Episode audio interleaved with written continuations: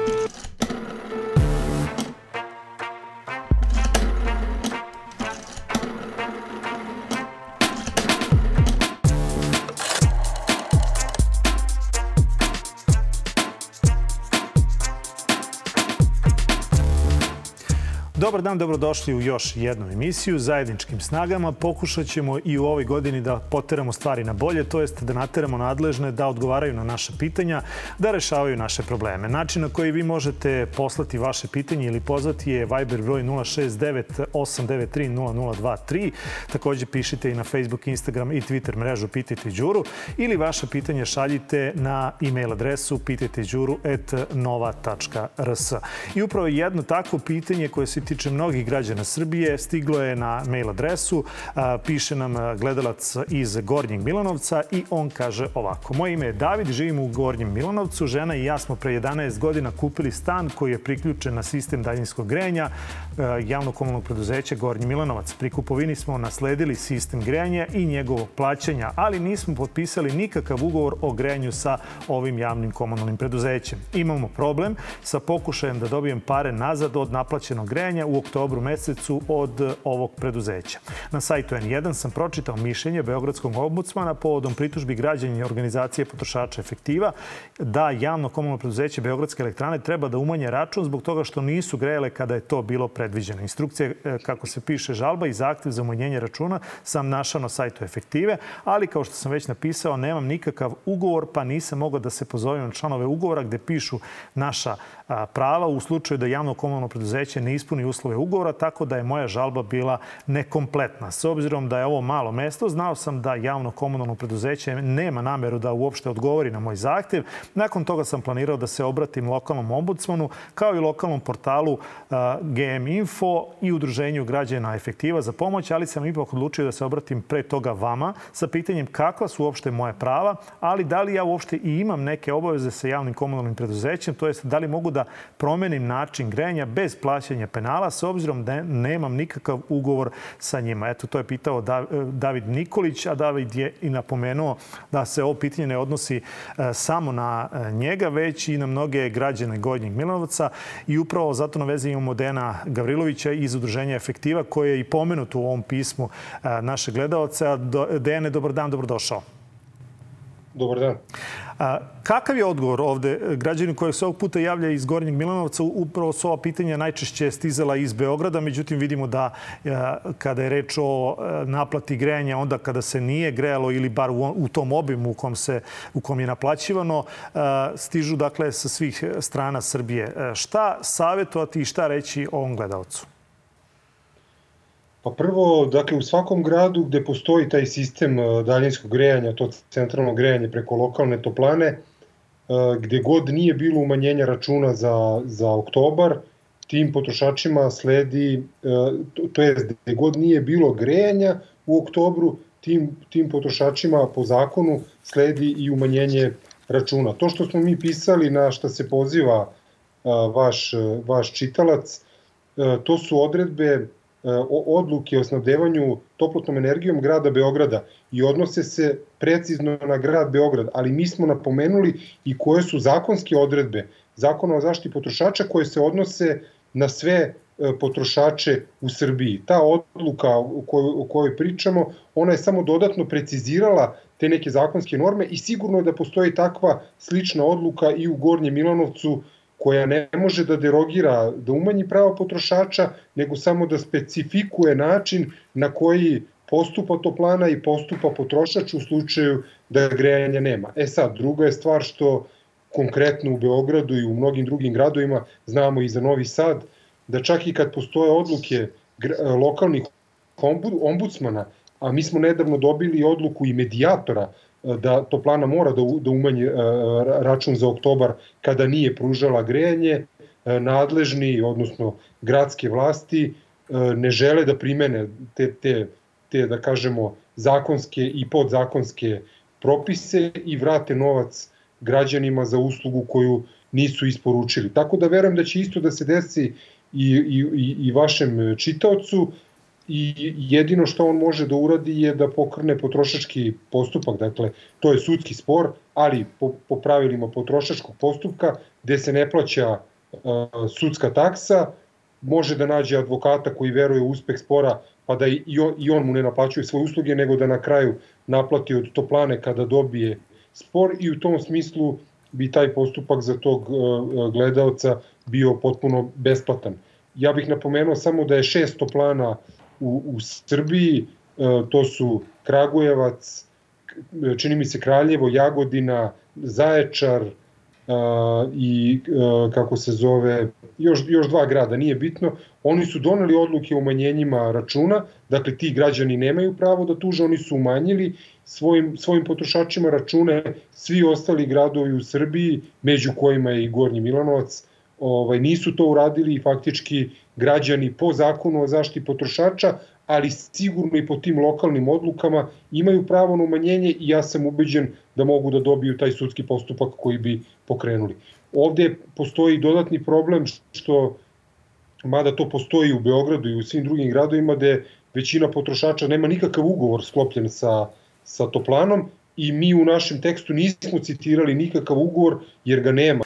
Dene, a šta je s ovim delom gde sluš, gledalac David e, pita za e, raskidanje ugovora, to jest za promenu načina e, grejanja, jer on kaže taj ugovor ne može da nađe, pretpostavljam da ga i nema. Dakle, kako bez penala, kako on kaže, promeniti način grejanja, to jest odustati od daljinskog grejanja? Pa nema tu penala, dakle zakon dozvoljava i mogućnost raskida ugovora. Bilo koji ugovor može da se raskine, samo je pitanje je šta su posledice. Ovde, ovde po zakonu ne bi trebalo da bude nikakvih posledica. Dakle, jednostavno ne želim uslugu više, ne želim da plaćam nešto čime nisam zadovoljan ili mi je skupo ili jednostavno imam pravo da ne želim i da ne objasnim nikome zašto ne želim i onda ja to ne plaćam. Međutim, toplanama u Srbiji odgovara da svoje potrošače drže u nekoj vrsti robovlasničkog odnosa.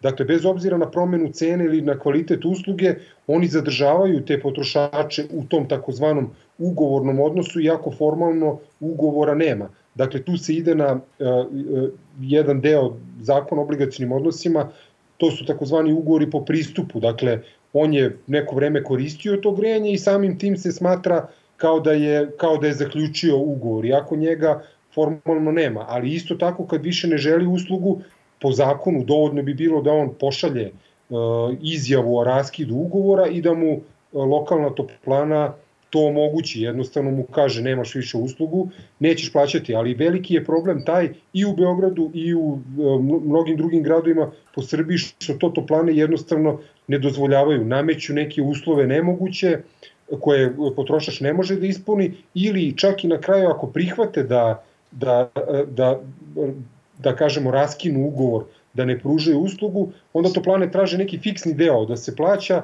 kažu pa tebe greju zidovi stanara okolnih kojima mi isporučujemo grejanje i onda ti moraš da platiš deo tog grejanja. Ali to je potpuno nezakonito jer to grejanje već plaćaju ti stanari. Dakle, nema potrebe da ga ja plaćam duplo kada ga neko već plaća. A s druge strane, ja ću moj stan recimo da grejem strujom ili na drva, nebitno u Batiću furunu, To znači da i moji zidovi njima isijavaju neku toplotu, pa bi po toj logici onda i ja mogao njima da tražim da mi nešto plate. Ali to su neke zavrzlame koje toplane namerno e, uvode kako bi građane odgovorili od raskida ugovora. Naravno da je da je sasvim moguće i bilo bi logič, bi, logično i trebalo bi da bude normalno da građanin za bilo koju uslugu kaže ja to više ne želim, ne želim da plaćam I to je to. Imamo još jedan zanimljiv absurd. Recimo, prijavljivali smo u nekim drugim gradovima, na primer, neka lokalna e, komunalna preduzeća gde takođe ne postoji ugovor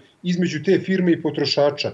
Prijavljivali smo tržišnoj inspekciji, recimo zakon kaže ako dođe do povećanja cene, potrošač ima pravo da raskine ugovor. I par puta smo se bavili time, potrošač podnese zahtev za izjavu za raskid ugovora, komunalno preduzeće ga odbije, mi to prijavimo tržišnoj inspekciji i tržišna inspekcija da jedan zanimljiv odgovor i kažu e, mi smo ispitali slučaj, utvrdili smo da ugovor ne postoji i kako onda da se raskine nešto što ne postoji. Dakle, i tržišna inspekcija staje na stranu lokalnog preduzeća, postavljajući takvo nebulozno pitanje kako da se raskine nešto što ne postoji, ali onda je logično pitanje i potrošača, pa kako onda da plaćam nešto ako ne postoji ugovor. Upravo to sam dakle, ja htio kažem. Neke, to su te neke zavrzlame, teško izaći sa tim na kraj, mislim da jedino sudski postupci, verujem u Beogradu, po manjim gradovima nije baš tako čista situacija, tamo se svi znaju, imali smo situaciju recimo, mislim da je to bilo u Negotinu, gde je direktor Toplane, njegova supruga je predsednik suda, i aj sad ti dobi, dobi Toplanu na sudu, dakle svi gube šta god, kogod da napiše tužbu, kakav god da je osnov kad dođe u sud, oni to gube. Dakle, ne gleda se ni pravo ni pravda i to je jedan veliki problem širom Srbije, ne samo u Beogradu, u Gornjem Milanovcu, Novom Sadu, nego gde god postoje toplane koje jednostavno drže ljude u robovlasničkom odnosu. Dene, hvala puno na ovim odgovorima. Nadam se sada da i Davidu iz Gornjeg Milanovca jasnije u kakvoj situaciji se nalazi. Pa shodno ovom razgovoru ja mislim da će on doneti neku odluku. Kakva će ona biti, ostaje da se vidi. A uh, te bih hvala još jednom na uključenju. Bio je Dejan Gavrilović iz Udruženja Efektiva. A mi idemo na sledeću priču koja se tiče beogradskih tramvaja. Hvala. Naime, uh, ovako ste pisali, kaže, ovog puta vam pišem povodom beogradskih tramvaja. Nedavno sam prisustvovala situaciji da je vozač morao tri puta da izađe iz tramvaja i da se muči da manuelno promeni smer šina na jako kratkoj ruti. Od 27. marta do Nemanjine tri puta manuelno menja. Pre toga mi se desilo da je tramvaj 2 stajao 7 uh -huh. minuta na trgu Slavija i blokirao čujemo? ovaj inače okay. opterećen kružni tok, jer se vozač muči da oko čujemo? kiši da manuelno promeni smer. I u sred te slavijske gužve ovo je i opasno. Kako na kraju ipak nije uspeo, tramvaj 2 je krenuo pravcem tramvaja 9 i svi putnici su revoltirani i napustili prevoz. To su putnici koji su prethodno čekali taj tramvaj 2, zatim stajali u mestu i čekali da namučeni vozač sredi smer, te morali da izađu i snađu se za druge opcije prevoza nakon što su izgubili sve to vreme na kiši.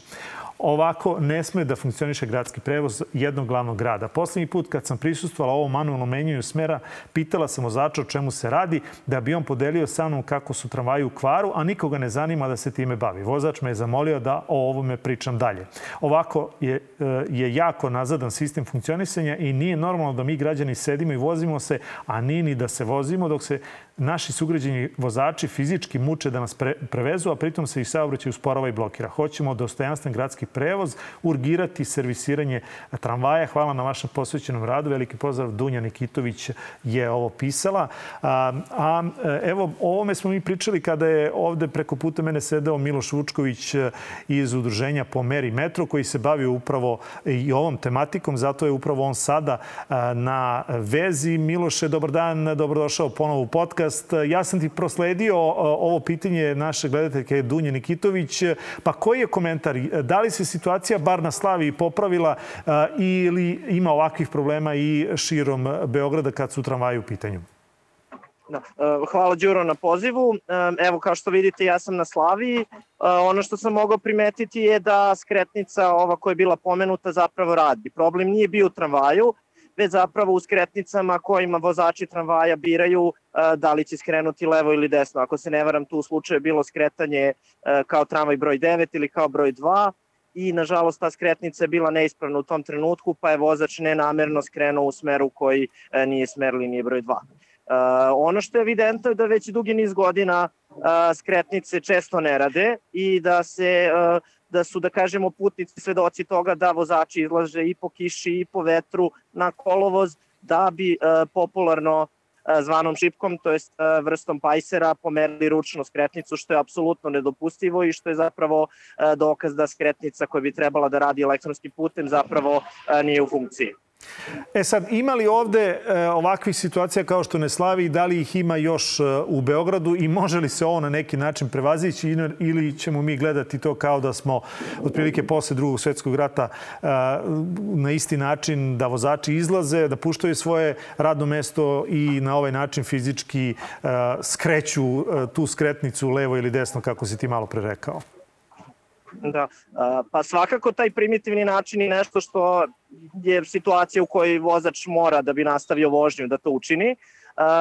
Veliki problem je što zapravo te skretnice su često neispravne. Iz razgovora sa vozačima GSP i sindikatima rečeno mi je da čak pri maloj kiši dolazi do česti kvarova ti skretnica i onda vozači nemaju drugu, drugi način već da izlaze iz vozila. Čak je bili, bilo i nekoliko nemili situacija da su vozači bili povređeni jer vozači automobila recimo na Slaviji očekuju da vozač tramvaja izađe na sred kružnog toka da bi to radio.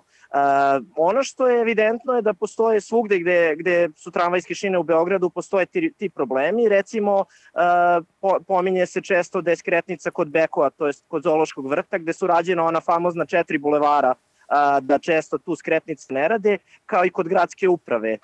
Problem je u tome što kad se rekonstruišu ulice, niko ne konsultuje SP Beograd, već se angažuju podizvođači i izvođači koji nude najnižu cenu za, da kažemo, te skretnice i onda mi čak nemamo u gradu ni unifikovane skretnice, te imaju veliki problem da kažemo majstori iz GSP-a koji rade u sektoru EGO, to jest elektrograđevinska oprema, koji su zapravo zaduženi za ovo održavanje i oni često uz pomoć štapa i kanapa, figurativno rečeno, održavaju ove mreže.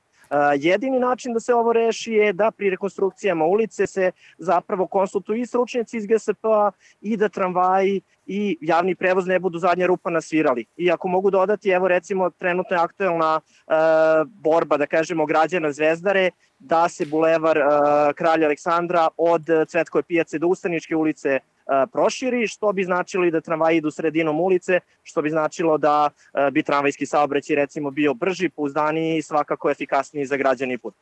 Miloš, hvala puno na ovom uključenju sa lice mesta. Dakle, što se tiče Slavije, taj problem je e, bar za sada rešen. Hoće li se dugoročno rešavati? Ostaje dakle da vidimo. Ja sam pitanje uputio gradskoj uprave, dakle za sada nema odgovora kao i sekretarijatu za javni prevoz i gradskom saobraćajnom preduzeću. Nadam se da su oni svesni uh, ovog problema i na ovaj način prosto smo ga osvetlili ako ništa drugo, pa se nadam da će, kao i što Miloš malo pre reče, bar konsultovati one koji znaju šta rade, ne bili rešavali ovaj problem pre nego što se on i desi na samoj raskrsnici, što je, kako gospodin Vučković reče, i veoma opasno, ne samo po vozače gradskog saobraćenog prevoza, već i ostale učesnike u saobraćaju. A sa prevoza idemo na jednu drugu temu. Naime, gledalac Mile Zvonković je pisao ovako i pitao. Kaže on, e, konstantno se dešava ova pojava. Kolike su novčane kazne ukoliko su predviđene zakonom za sekretare škola ili direktora ili kakve kazne postoje za neraspisivanje konkursa za slobodna radna mesta u zakonskom roku?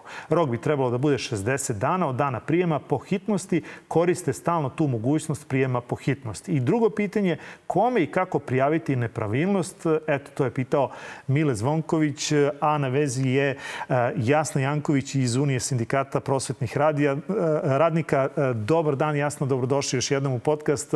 Ja sam prosledio ova pitanja našeg gledalca. Pa kakvi su odgovori? Dakle, ima li ovde bilo kakvog leka? Dobar dan, pozdrav svima u studiju, vama, naravno i gledalcima. Da li ima leka za srpsko obrazovanje? Nemamo dovoljno vremena da lamentiramo, ali što se tiče konkretnog e, pitanja koje je vrlo dobro postavljeno, ja bih rekla, e, nemam dobre vesti. Naime, zakon o osnovama e, obrazovanja i vaspitanja ne podrazumeva, ne reguliše ovu oblast, pogotovo ne oblast kada su u pitanju direktori koji e, često u Srbiji rade šta žele. Dakle, e, direktori uglavnom koriste tu klauzulu e, hitnosti prijema i jer onda su to ljudi na određeno vreme koje oni mogu praktično da otpuste kada žele i da ucenjuju kako žele i to je objašnjenje zašto se ovo dešava, a sada kome može da se obrati onaj ko uh, shvati da direktor uh, ne radi kako valja? Pa pre svega ukoliko u školi postoji jak sindikat, uh, ovakve stvari ne bi trebalo i verovatno se i ne dešavaju. Ako sindikata nema, direktor zaista, ne mogu baš da kažem može da radi šta god hoće, ali gotovo da je tako.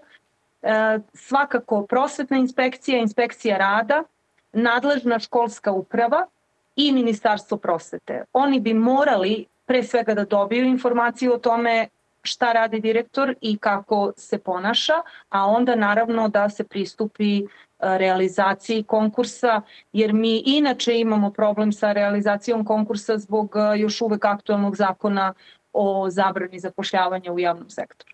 E sad ovo pitanje koje je poslao gledalac, to nije nešto što je od juče. Dakle, to je tako već godinama od kad su direktori faktički gazde u školama koji su direktno postavljani vrlo često od ministarstva, nebitno koje je vlasti, tako je već unazad 30 godina. Jeste li vi kao sindikati uputili bilo kakav zahte za promenu zakona ili da se ovaj zakon da bude dorečeniji, dakle da bude konkretniji. Znate li uopšte za bilo kakav odgovor na, na ovo pitanje, pošto pretpostavljam da nije ovo prvi put da se ovo pitanje postavlja?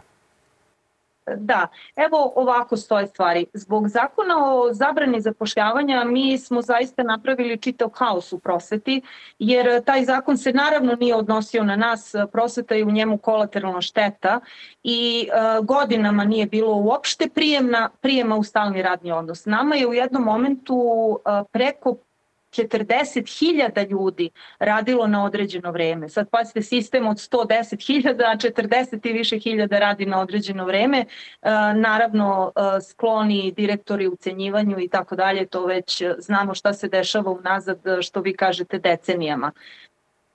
Rešenje za ovo jeste ukidanje zakona o zabrani zapošljavanja, bar što se tiče prosvete. Mi smo uspeli u nekih šest faza da e, zaposlimo za stalno 15.000 e, ljudi, to je dobro, to je dobar pomak, ali nije dovoljno, jer jedino ukidanjem ovog zakona moglo bi da se kontroliše šta se u školama dešava, jer svaka škola je neka ćelija za sebe.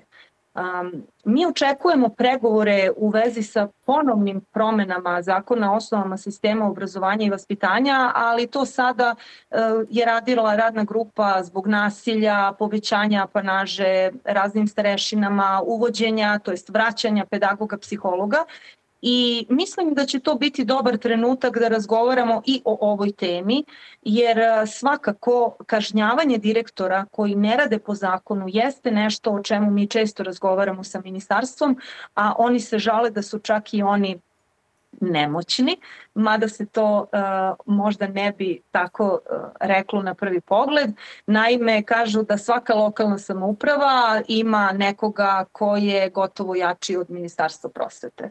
Eto, u toj situaciji se nalazi prosveta danas. E sad jasno samo kratko. Dakle, može li se onda reći, kako vi kažete, da e, se ovaj zakon, bar što se prosvete tiče, da je unazadio prosvetu, kad, kad pričamo o zakonu, mislim na zakon o zabrani zapošljavanja. Dakle, da li se ovde onda otvara mogućnost malverzacije zapošljavanja, nazovimo ih svojih kadrova i nestručnih kadrova u prosveti? Da li vi možete sad da izvučete neki prosek pa da kažete da u ministarstvu, to jest u, u prosveti je ušlo dosta nestručnog kadra zato što postoji ovakav zakon koji e, na neki način onemogućava stručne ljude da biraju stručne kadrove? Najkraće moguće, da, u prosvetu je ušlo mnogo nestručnog kadra iz dva razloga. Prvi jeste uh, čitava ta čarlama sa zakonima i sa ovaj zakon dozvoljava, ovaj ne dozvoljava, ovde možeš, ovde ne možeš, a drugi razlog je što mladi više neće da se zapošljavaju u prosveti, pa vi više ne možete naći stručno lice koje će predavati matematiku, informatiku, fiziku, uh, nemački jezik i tako dalje. Tako da, kao i obično u prosveti nije sve jednostavno. Prvo uh, ćemo morati da se pozabavimo sami sobom i da vidimo da li uopšte možemo išta popraviti, jer koliko vidim svaki ministar uh, se trudi da promeni zakon, ali bojim se ne u dobrom pravcu. Hvala puno jasno na ovom uključenju i na Hvala odgovorima vama. na pitanje naših gledalaca. Bila je to Jasna Janković iz Unije sindikata prosvetnih radnika. A mi idemo na sledeću temu. Ono se uh, tiče grada Požarevca. Naime, gledateljka je pisala preko Facebooka ovako. Kaže, dobroveče, ja sam zakoniti zastupnik udruženja za zaštitu životinja i životne sredine Požarevačke šapice. Transparentni na klupi kad ste radili intervju sa Ivanom su doneti iz Požarevca, misli se na Ivana R. Ivanovića koji je protestao ispred e, predsjedništva Srbije zbog onoga što se dešava psima lutalicama i uopšte onome što se dešava e, životinjama u Srbiji, u kome postoje tri udruženja koje se bore legalnim putem da se zaustave zločini nad životinjama, prvenstveno u Požarevcu, jer tu živimo, a i u celoj Srbiji.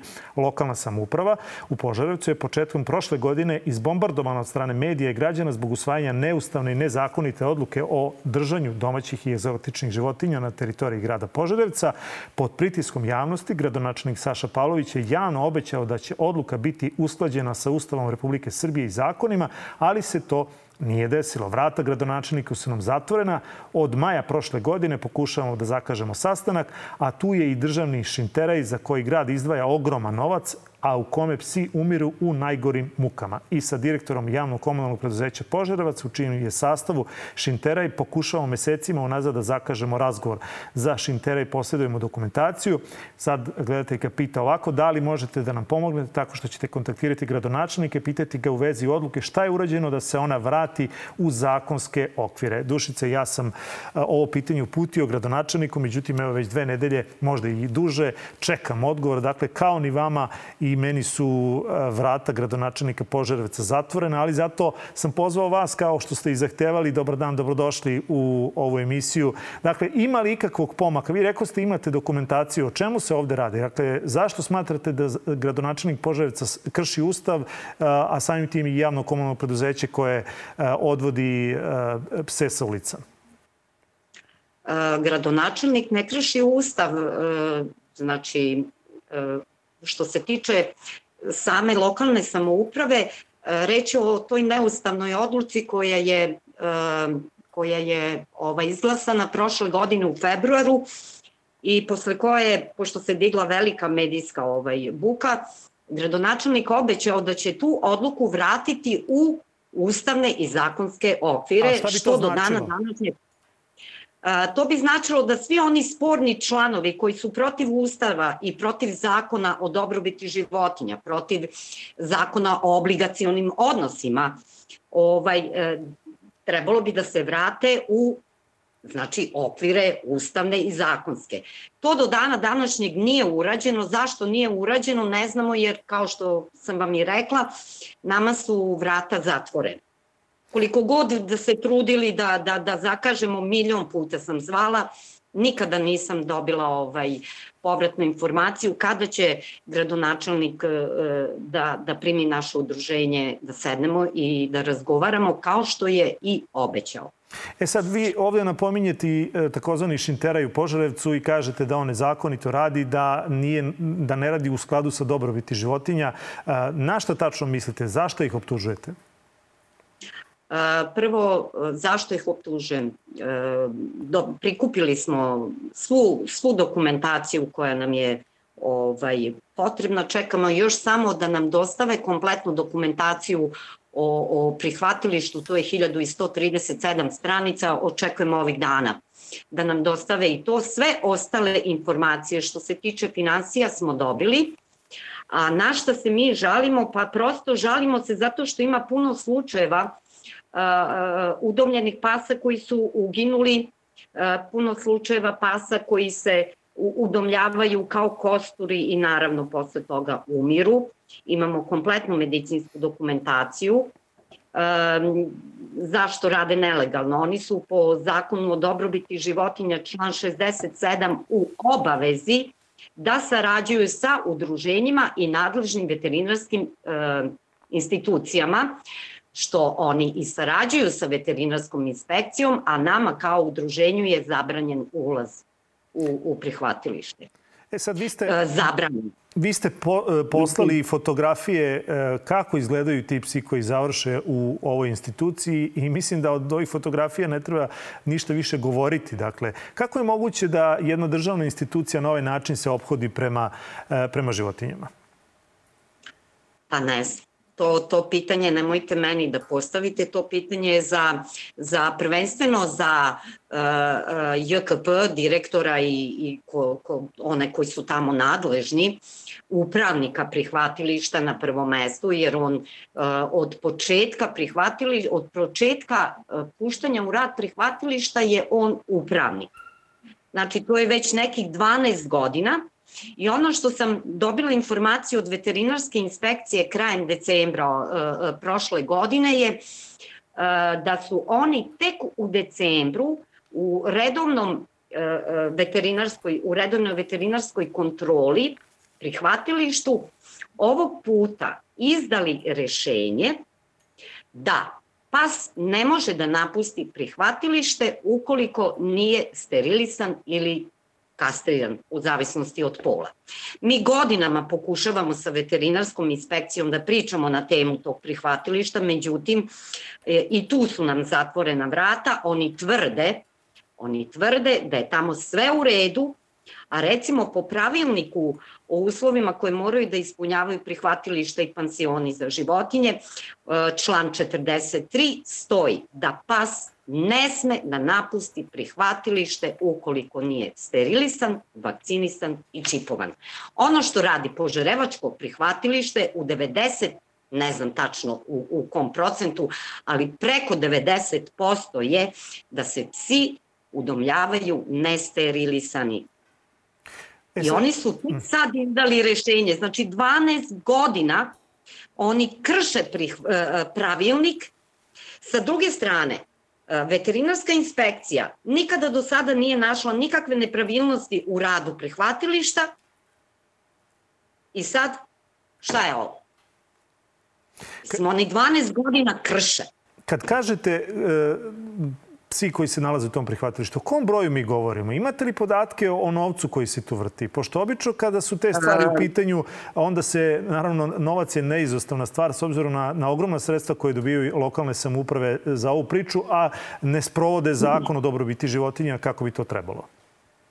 U proseku u poslednjih par godina za prihvatilište u Požarevcu, pričam za prihvatilište u Požarevcu, je izdvojeno uh, preko 8 miliona dinara na godišnjem nivou. Za 20, 2023. izašlo je na sajtu grada Požarevca e, da će ove godine za e, prihvatilište da se izdvoji 10 miliona 631 hiljada i ne znam koliko dinara, to je ogromna cifra, e, a psi tamo umiru bukvalno od gladi, od žeđi, od, od, od bolesti od međusobnog klanja jer nisu uh, klasirani ni po polu, ni po starosti, ni po veličini, ni po zdravstvenom statusu. Kad ovo pominjete, ovde e, ima elemenata, ovde ima elemenata i tekako da se podnose krivične prijave. Da li je e, vaše udruženje Požerevačke šapice, e, da ste podneli krivičnu prijavu protiv odgovornih? U ovom slučaju, dakle, već smo ih imenovali. Tako je. E, čekamo još da nam stigne ova dokumentacija za, za prihvatilište i time smo zaokružili dokumentaciju.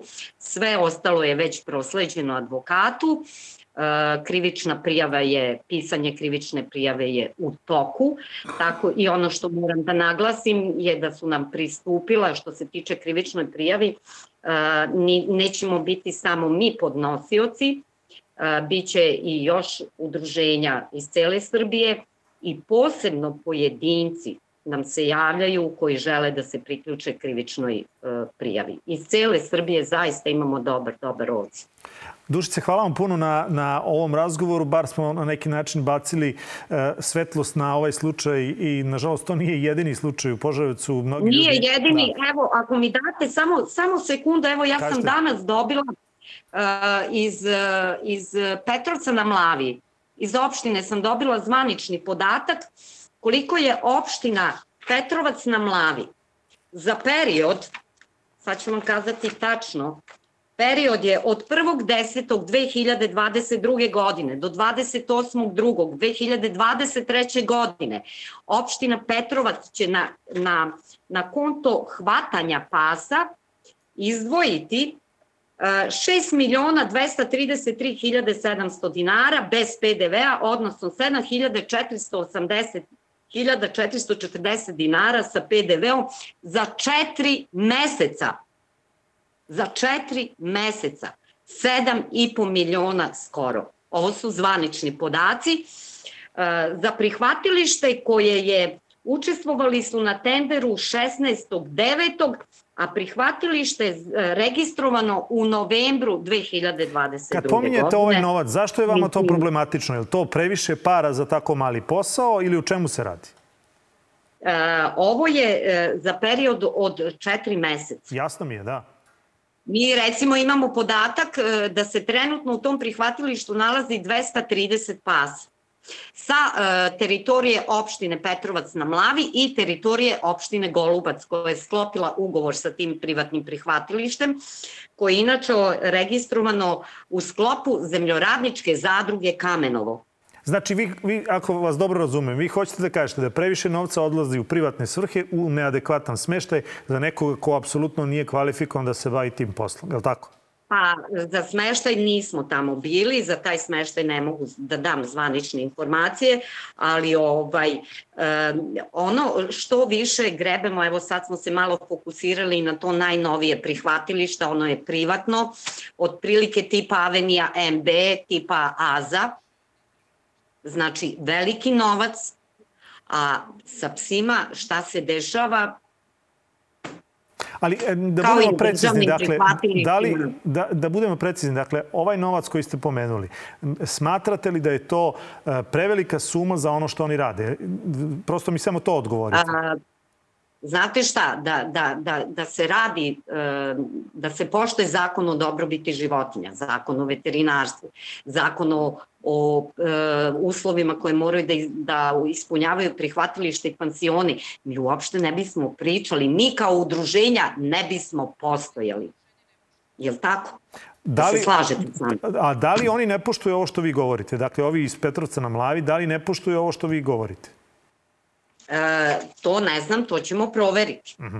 To ne znam. Sada smo u fazi skupljanja ovaj, dokumentacije. Kad budemo imali više informacija, tada ćemo moći da govorimo. Za sada ne mogu. Ovo je tek početak skupljanja dokumentacije i za njih, ali oni su, kažem, relativno mladi, oni su se registrovali u novembru 2022. godine, a učestvovali na tenderu ovaj, u, u, u, u septembru 2022. godine do duše pod zemljoradničkom zadrugom Kamenovo. Jasno mi je. U čijem sastavu je sad i to prihvatilište. Ali i poenta cele priče je, problem je Uprava za veterinu Beograd i Ministarstvo poljoprivrede, veterinarstva i vodoprivrede. Ne rade svoj posao. Ne rade. Definitivno ne žele da rade. Zašto? Verovatno je profit mnogo, mnogo ovaj, važniji od, od, od života svih životinja. Ja vam stojim na raspolaganju svaki put kada imate ovakve informacije, ne samo vama, već svim udruženjima koje štite uh, i tu su zbog dobrobiti životinja. Bila je to dušica Kad budemo iz... imali neke nove informacije, javit ćemo se i tako. Dobro je da građani ovaj, znaju šta se dešava u Srbiji što se tiče uh, prihvatilišta i državnih i privatnih. Hvala još, hvala još jednom. Bila je to Dušica iz udruženja Požarevačke šapice.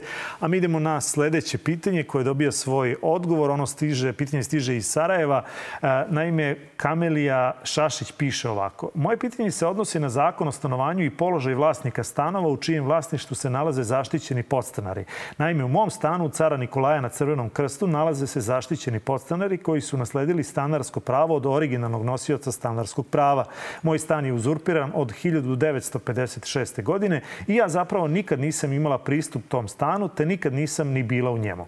Svodno zakon o stanovanju koje je ova vlast donela pre, čini mi se, sedam godina, predviđena je obaveza države da zaštićene podstanare smesti u državne stanove s mogućnošću otkupa, a vlasnicima vrati njihovo vlasništvo.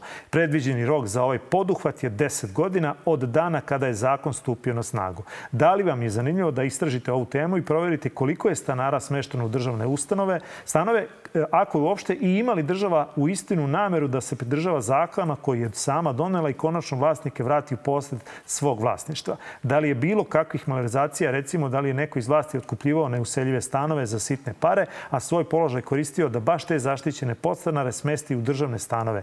Ja sam samo načula da su se ovakve malarizacije dešavale, ali nemam nikakvih dokaza za to. Tako piše Kamelija Šašić iz e, Sarajeva.